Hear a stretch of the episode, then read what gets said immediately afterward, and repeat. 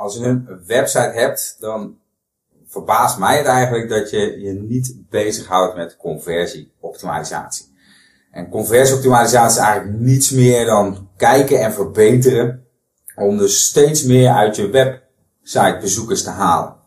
En in een eerdere woensdag gemakdag aflevering hebben we het al gehad over ja, eigenlijk de conversieoptimalisatie van bijvoorbeeld bepaalde belangrijke salespagina's, dus verkooppagina's, om dus steeds meer leads te krijgen. Maar dat kun je natuurlijk op elk element op je website doorvoeren. En als je kijkt naar conversieoptimalisatie, dan heb je het ook al snel over AB-testen. En in deze woensdag gemakdag aflevering laat ik je enkele case studies zien, waarbij wij dus eigenlijk door middel van AB-testen, ik laat je precies zien, het klinkt misschien wat technisch, hoe je dat dan eigenlijk inzet. En waarmee wij dus ruim 428% in conversie gestegen zijn. Dus dat betekent meer dan vier keer zoveel leads of potentiële klanten.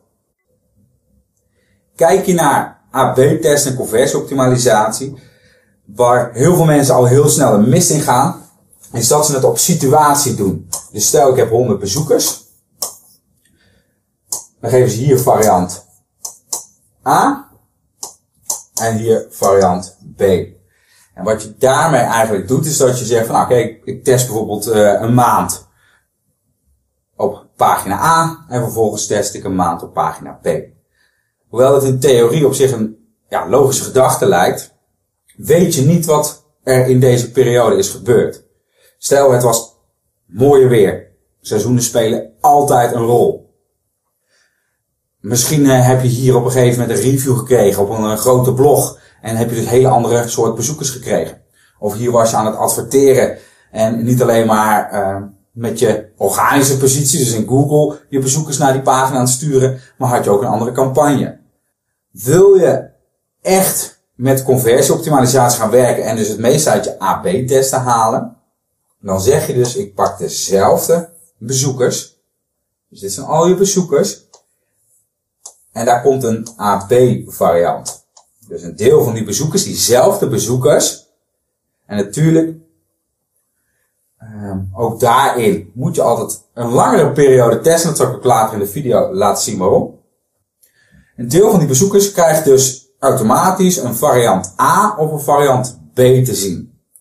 Na een bepaalde periode kun je dan meten in je cijfers van welke variant werkt beter. Het mooie van AB-testen is natuurlijk hoe meer je dit doet, hoe meer praktijkervaring je hebt, hoe sneller je raak schiet. Alleen AB-testen is in principe voor iedereen weggelegd. Wat je doet, je pakt een pagina of een element op je pagina en stelt hypotheses.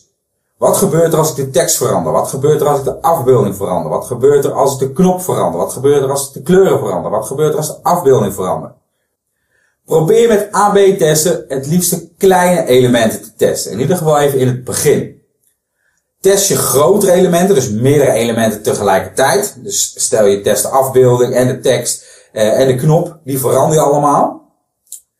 Hoe weet je dan exact wat heeft geleid tot die hogere conversie? Dus stel liever meerdere hypotheses en een bepaalde meetperiode en test elke keer van, hey, welke tekst werkt nu beter? heb je op een gegeven moment de winnende tekst bepaald, dan ga je weer door stel je volgende hypothese. Welke afbeelding werkt weer beter? Welke knop werkt beter? Welke kleuren werken beter? En zo ga je steeds verder en zul je zien dat je steeds verder gaat groeien in je conversiepercentage.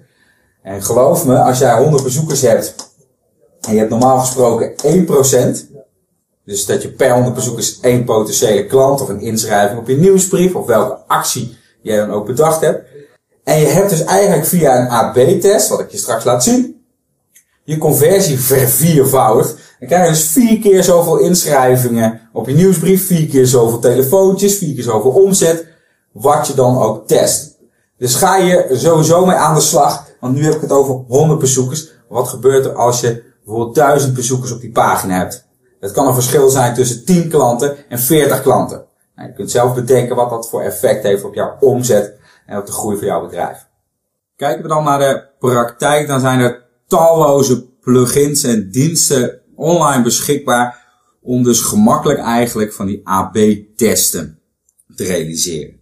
Dus Google even, als je bijvoorbeeld Joomla WordPress gebruikt of een ander systeem, Google even AB-test en dan bijvoorbeeld WordPress of AB-test Joomla. En ga dat je verschillende gratis alternatieven of relatief goedkope oplossingen kunt bedenken. En realiseer ook dat het een goede investering is. Want als jij je conversie weet te verviervoudigen, zoals in dat voorbeeld later in de video zullen laten zien. dan kun je zelf al nagaan wat je dus uit die investering gaat halen en welke groei jij kunt gaan realiseren. Nou, kijken we naar enkele voorbeelden. We hebben hier op een gegeven moment getest van hey, hoe krijgen we nu meer inschrijving op onze nieuwsbrief. Nou, deze opt-in, zo heet dat dan, dus de manier waarop je kunt inschrijven op de nieuwsbrief, hebben we getest. Dus kwam een bovenste balk. Hier kwam dan het artikel onder. Dan kunnen we dan beter zeggen 126% meer klanten. Blog slimmer gratis handboek. En dan deze knop, ja, stuur mij het handboek. Of kunnen we beter zeggen, ontvang het handboek. Dus we hebben de hypothese gesteld van, hey, wat voor effect heeft die knop op onze conversie? Ga je dan kijken, en dan zie je hier dat die tweede variant een stuk meer conversies, ruim een kwart meer conversies heeft. Je ziet hier de blauwe lijn en hier de groene lijn. Dus de groene was de, uh, ja, de eerste variant. En de blauwe was de tweede variant. En je ziet dus ook dat je langer moet testen om dus eigenlijk een conclusie te trekken. Want in het begin werkt de groene stuk beter en op een gegeven moment zie je dat groen zakt in conversie en dat de blauwe wint. Hoe langer je test, hoe meer data je verzamelt, hoe betere conclusies je kan trekken.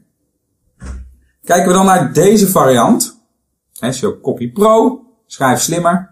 Nummer 1 handboek, gratis, claim mijn handboek. Kan ik dan beter deze variant gebruiken? Op een kleine variatie, waarbij we alleen maar gratis hebben dik gedrukt. Dus het valt nog meer op dat het een gratis handboek betreft. En wat zagen we hier? Hier zagen we dat de dik gedrukte variant met het nog minder bezoekers vijf keer zoveel inschrijvingen opleveren. Ga dit alsjeblieft testen. Dus blijf continu hypotheses stellen. Uh, vind je het lastig in de techniek of vind je het lastig om te realiseren? Of wil je er gewoon eens over sparen? Geef ons een belletje of een mailtje.